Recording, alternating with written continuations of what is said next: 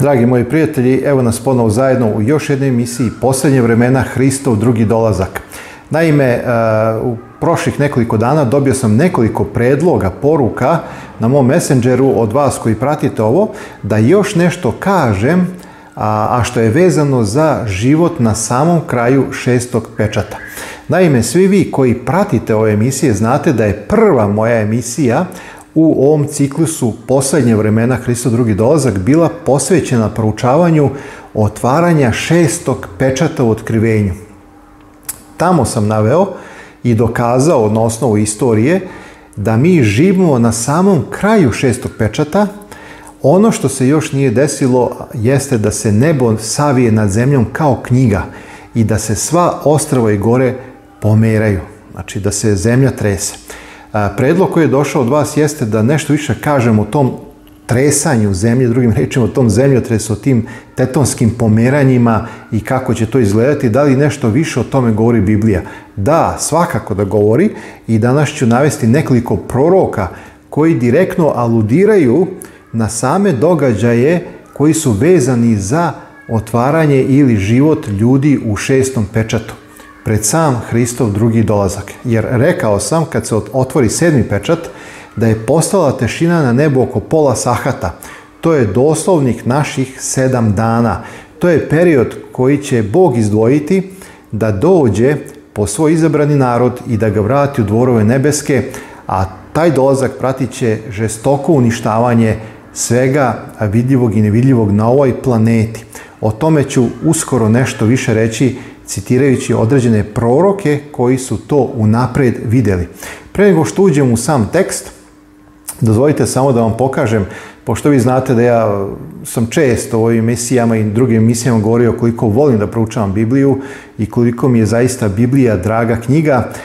imam nekoliko Biblija i u mojoj ruci držim Bibliju koju mi je poklonila moja sadašnja supruga, tada verenica, 31. decembra 98. godine. I evo približit ću da vidite tekst. Evo vidite kako je taj tekst zapisan. Možete ovdje pročitati, evo kako je ona izgledala tada i ona mi je poklonila, ovo je isto ona želela da ova slika bude, to je slika kada sam se venčao, e, eto tada smo bili mladi, a tako život prolazi, mi smo vremeniti, ali sa Hristom znamo šta nas čeka. Tekst kaže na dan naše veritbe želim da ti poklonim knjigu nad knjigama Bibliju koja će biti jedini vodič u našem zajedničkom životu Maja. Ona je shvatila da bez reči Božje, bez Biblije nema srećnog braka.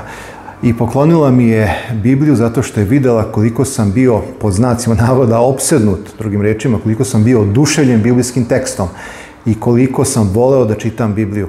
I prosto najlepši poklon koje je mogla da mi pokloni za veritbu jeste upravo a, sveta Bože reč Biblija. No, hajde da mi uđemo u naše proučavanje. Već nekih 3,5 minute je otišlo. Znam da i vi imate malo vremena i da emisije treba da budu kraće, ali da budu sažete, nabijene značenjem, da bismo mogli da obuhvatimo sve ono što želim da kažem. Prvi tekst je Isaija 13. poglavlje od 11 do 13. Zapazite reči proroka. Pohodit ću vasiljenu za zloću i bezbožnike za bezakonje i ukinut ću razmetanje oholih i ponos silnih oboriću. Učinit ću da čovjek više vredi nego zlato čisto, više nego zlato ofirsko. Zato ću, zapazite sada, zatresti nebo i zemlja će se pokrenuti sa svoga mesta od jarosti gospoda nad vojskama i u dan kada se raspali gnjev njegov. Sve ovo što nas sada okružava, gdje se osjećamo često nemoćni i vidimo ove batinaše i vidimo silu i snagu jedne države koja ugnjetava svoj narod, ne samo u Srbiji, nego u mnogim drugim zemljama, kada često vidimo kako moćnici vladaju, kada vidimo satanizam koji se širi munjevito, Sjetite se otvaranje olimpijskih igara u Londonu 2012. godine. Čist satanizam, onda onaj tunel u Švajcarskoj kada su otvarali čist satanizam. I ne sada da se oni skriju, oni sada to otvoreno prikazuju, otvoreno predstavljaju sebe i svoje planove.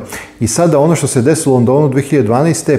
imate na YouTube-u, ukucajte olimpijske igre otvaranje 2012. vidit ćete na podijumu, oblik podijuma kao korona, vidit ćete ležaljke bolnice, vidjet ćete e, mnogo toga što podsjeća. Kao i što je dokazano u Nemačkoj na osnovu onih dokumenata koje je Walter Fajt uh, pokazao da oni znaju da će korona doći, oni znaju scenarij, oni sve znaju. I dragi moji, kada živimo u jednom takvom svijetu, ti i ja se često osjećamo kao nemoćni. Ali ono što je ohrabrujuće, ako imamo Boga i ako je Bog naš Otac Nebeski i ako smo predali Bogu život, Bog će nas odbraniti. Ali kada On ustane, o, onda nema više cile mile, dragi moji, kad se Bog podigne sa prestola. A ovdje kaže, e, od jarosti gospoda nad vojskama u dan kada se raspali gnjev njegov. Bog još uvijek trpi na prestolu. Čeka da li će se još neko pokajati. Ja sam počeo da stavlja na moj YouTube kanal Bibliju uči e, serije gdje govorim u mom obraćenju. Pratite te serije, vjerujem da će vas ohrabriti. Uvijek ta lična obraćenja i iskustva koje imamo sa Bogom mnogo mogu da ohrabre svakoga od nas. I mene su hrabrila druga iskustva koje sam slušao i znam koliko su meni doprinalo u mom jačanju veri. Zato kažem, evo, možete i vi pogledati moje iskustvo obrećenja i verujem da će vas i tu e, Bog ohrabriti. Ali ajde, to je sada druga tema. Isaija 24. poglavlje, od 3. do 6. stiha. Svima će se, sasvim će se isprazniti zemlja i sasvim će se opleniti, jer gospod reče ovu reč. Koju reč? Zapazite. Tužit će zemlja i opasti, iznemoći će vasiljena i opasti, iznemoći će glavari naroda zemaljskog. Znači, drugim rečima dolazi vrijeme kada će oni izgubiti silu i moć, zato što će Bog ustati da deluje. Jer se zemlja oskrvni pred stanovnicima svojim, jer prestupiše zakone, izmeniše uredbe, raskidoše zavet večni. Zašto danas posmatramo toliku ekspanziju zla? Zato što su se ljudi okrenuli od Boga. Okrenuli su mu leđa. Greh ih je uhvatio pod svoje. Sotona ih je uzeo za svoje podanike. I oni sada, dragi moji, možda imaju to obličje pobožnosti i možda se nazivaju neki od tih vlastodržaca nekim hrišćanima, ali ne mogu isto vrijeme oni biti masoni, i biti hrišćani. Ne mogu služiti sotoni i služiti Bogu. I to je odavno rekao još Isus Hristos. Čovjek se mora opredeliti. A onaj ko je istinski hrišćanin, to će e, u svom životu pokazati na osnovu rodova. Radost, mir, dobrota, trpljenje, uzdržanje, krotost. To su rodovi duha, dragi moji. E, I to je ono što pokazuje da li si istinski hrišćanine. Ovo sve ostalo je samo farsa i obličje, a nema nikakve sile. Oni su ostavili zavet, oni su izmenili uredbe, oni su prestupili moralne zakone. I zato, dragi moji, došlo je vrijeme da zlo dođe do samog vrhunca, kada Bog deluje, kao što je bilo u vreme Sodoma i Gomora, kao što je bilo u vreme građane Vavilonske kule, kao što je bilo vreme u vreme drugog Vavilona kada se uzoholio i tako dalje. Sećate se kako je Bog pohodio Vavilon i oduzeo mu vlast. Isto će se desiti sada. Kada sadašnji Vavilon, treći Vavilon, onaj duhovni Vavilon, koji sedi na zveri, koji ima mati kurvama, što kaže tamo otkrivenju 17 i tako dalje, Vavilon veliki, koji se opio od krvi svetaca i tako dalje, koji je obučen u skeret i filu i okićen na svakim zlatom i kamenjem, on će uskoro pasti zato što se uzdigao do mesta gde nije smeo. I kaže zato će proklesto prožreti zemlju i zatreće se stanovnici njeni. Što to znači zatrati? Uništiti. I zato će izgoreti stanovnici zemaljski i malo će ljudi ostati. Kaže tekst izgoreće. Tačna aluzija na Hristo drugi dolazak. Jer Malahija kaže ide dan koji gori kao peć, a Isaija 68. pogledu kaže ide dan gospodin sa vihorom ljuti e, u ognju i tako dalje. Znači uvijek se Eh, oganj eh, spominje u kontekstu Hristovog drugog dolaska. Prvi svet u vreme potopa uništen je vodom, a drugi svet, to jest eh, drugi put Isus će ovaj svet uništiti vatrom. I zato ovdje reče u drugom Hristovom dolasku, vidite, to su sve događaje koje prorok vidi, a dešavaju se u šestom pečatu, na samom kraju šestog pečata, kada se otvara sedmi pečat. I sada zapazite ovo, 18. stih, sva će se zemlja razbiti, sva će se zemlja raspasti i sva će zemlja se uskolebati. To će biti žestoko potresanje. Ne samo pojedini neki mali zemljotresi, nego ceo svet, cela zemlja će se raspadati od dolaska Isusa Hrista, jer Isus dolazi da sudi i donese gnev i presudu. I sada zapazite 20. stih, to je 18, 24. poglavlje knjige proroka Isaije. Isaija 24.18. stih i dalje. Sva će se zemlja razbiti, sva će se zemlja raspasti i sva će se zemlja uskolebati. Sva će se zemlja ljuljati kao pijan čovek. Sva zemlja, znači ne samo neki lokalni delovi, nego sva zemlja. I premestit će se kao koliba. Ja ne znam šta znači da će se zemlja premestiti. Verovatno će doći do pomerenja kontinenata, jer će joj otežati bezakonje njeno, te će pasti i neće više ustati. Znači, to je, drugim rečima, kraj. O tome govori e, upravo e, moment kada se otvara šesti pečat, kada dolazimo do kraja šestog pečata, gde se nebo savija kao e, knjiga nad zemljom i tu više nema povratka. I sva će se zemlja tresti i kaže Isaija kao pijan čovek, sva će se razbiti. Dragi moji, oni mogu da napreduju, oni mogu da batinaju, oni mogu da promovišu satanizam, oni sada mogu e, da se uzohole e, do te mere da misle da su bogovi na zemlji, ali postoji samo jedan bog i on je pravedan. Jeste bog ljubavi koji dugo trpi i evo mi smo svedoci da bog još uvijek želi da se mnogi ljudi spasu. Ali doći će vreme kada će bog ustati i onda ajde da kažem ovako, bio sam u Negotinu, tamo u Krajini, da, da iskoristim taj njihov rečnik, onda će biti lele, le lele, le, le. Zaista, dragi moji, to je ono što mene hrabri, što mi daje samo puzdanje i snagu da izdržim do kraja. Postoji neko ko je jači, postoji neko ko je pravedan, postoji neko ko nas ljubi i ko će pravedno suditi. Ako sada trpimo, gledajmo da budemo verni Bogu i da izdržimo.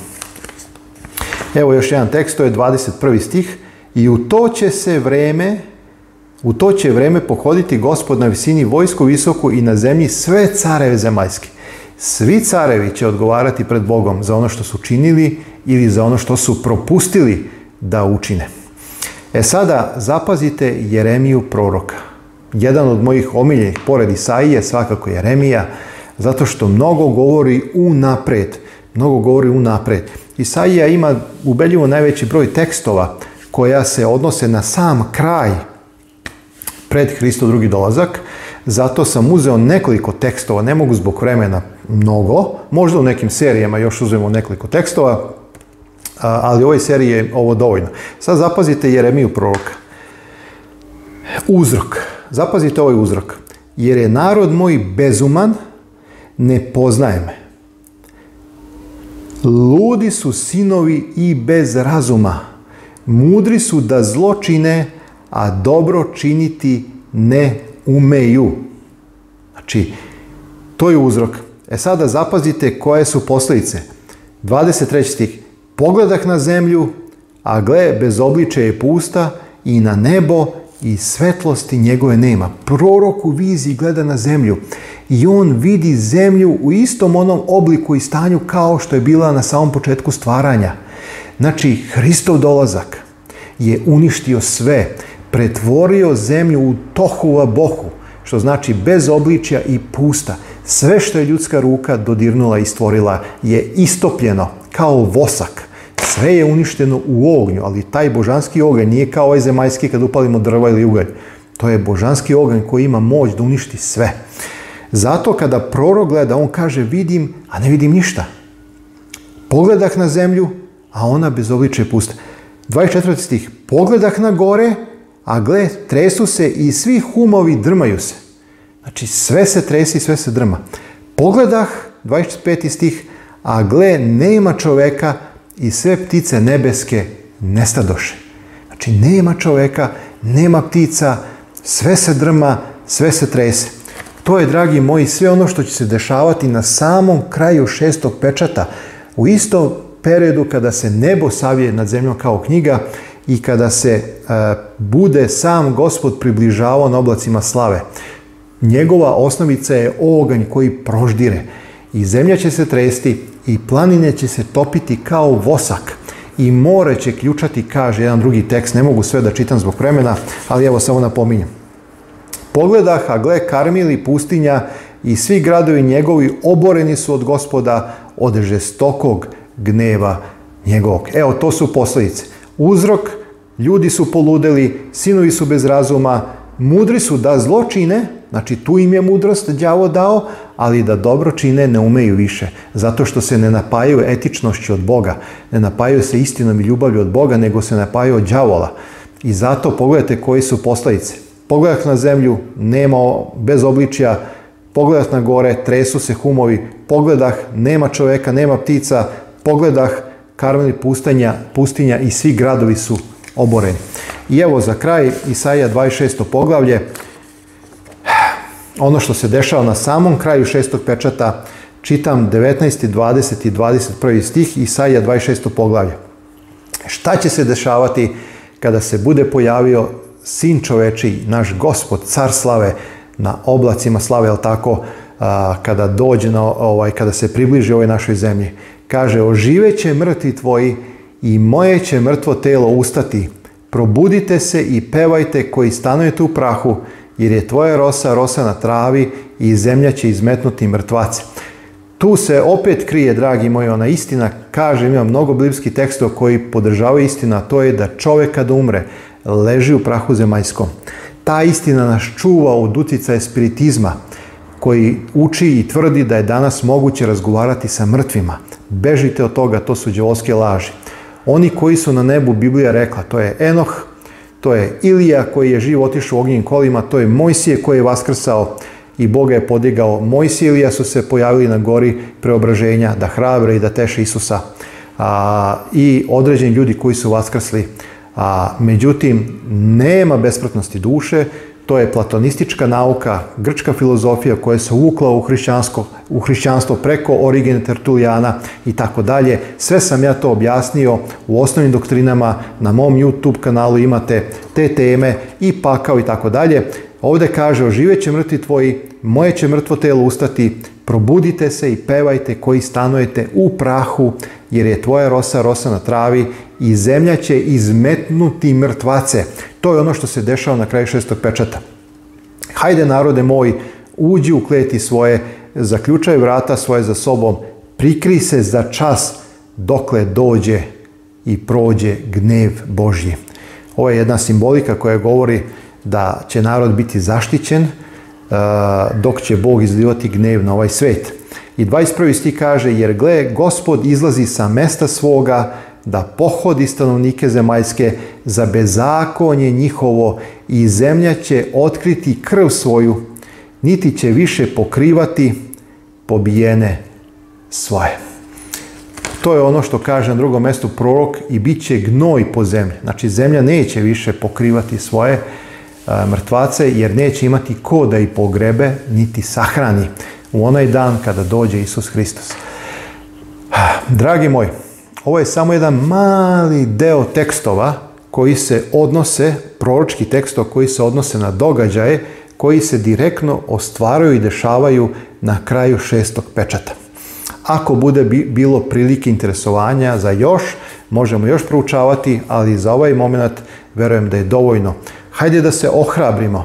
Imamo Boga koji je na našoj strani, imamo Boga koji će suditi i donijeti pravdu. Možda se sada osjećamo nemoćni, možda ne možemo mnogo toga učiniti osim da damo ovako jedan apel preko medija, ovih uskih medija, tako ih ja zovem, a, ali ono što možemo jeste da se uzdamo u Boga, jer će Bog suditi zlikovcima, satanistima, svima onima koji su se udružili sa zveri, sa ikonom njezinom, svima onima koji su deo Vavilona, koji su se poklonili Vavilonu i koji sada ugnjetavaju narod, svakoga od nas, pa i tebe i mene.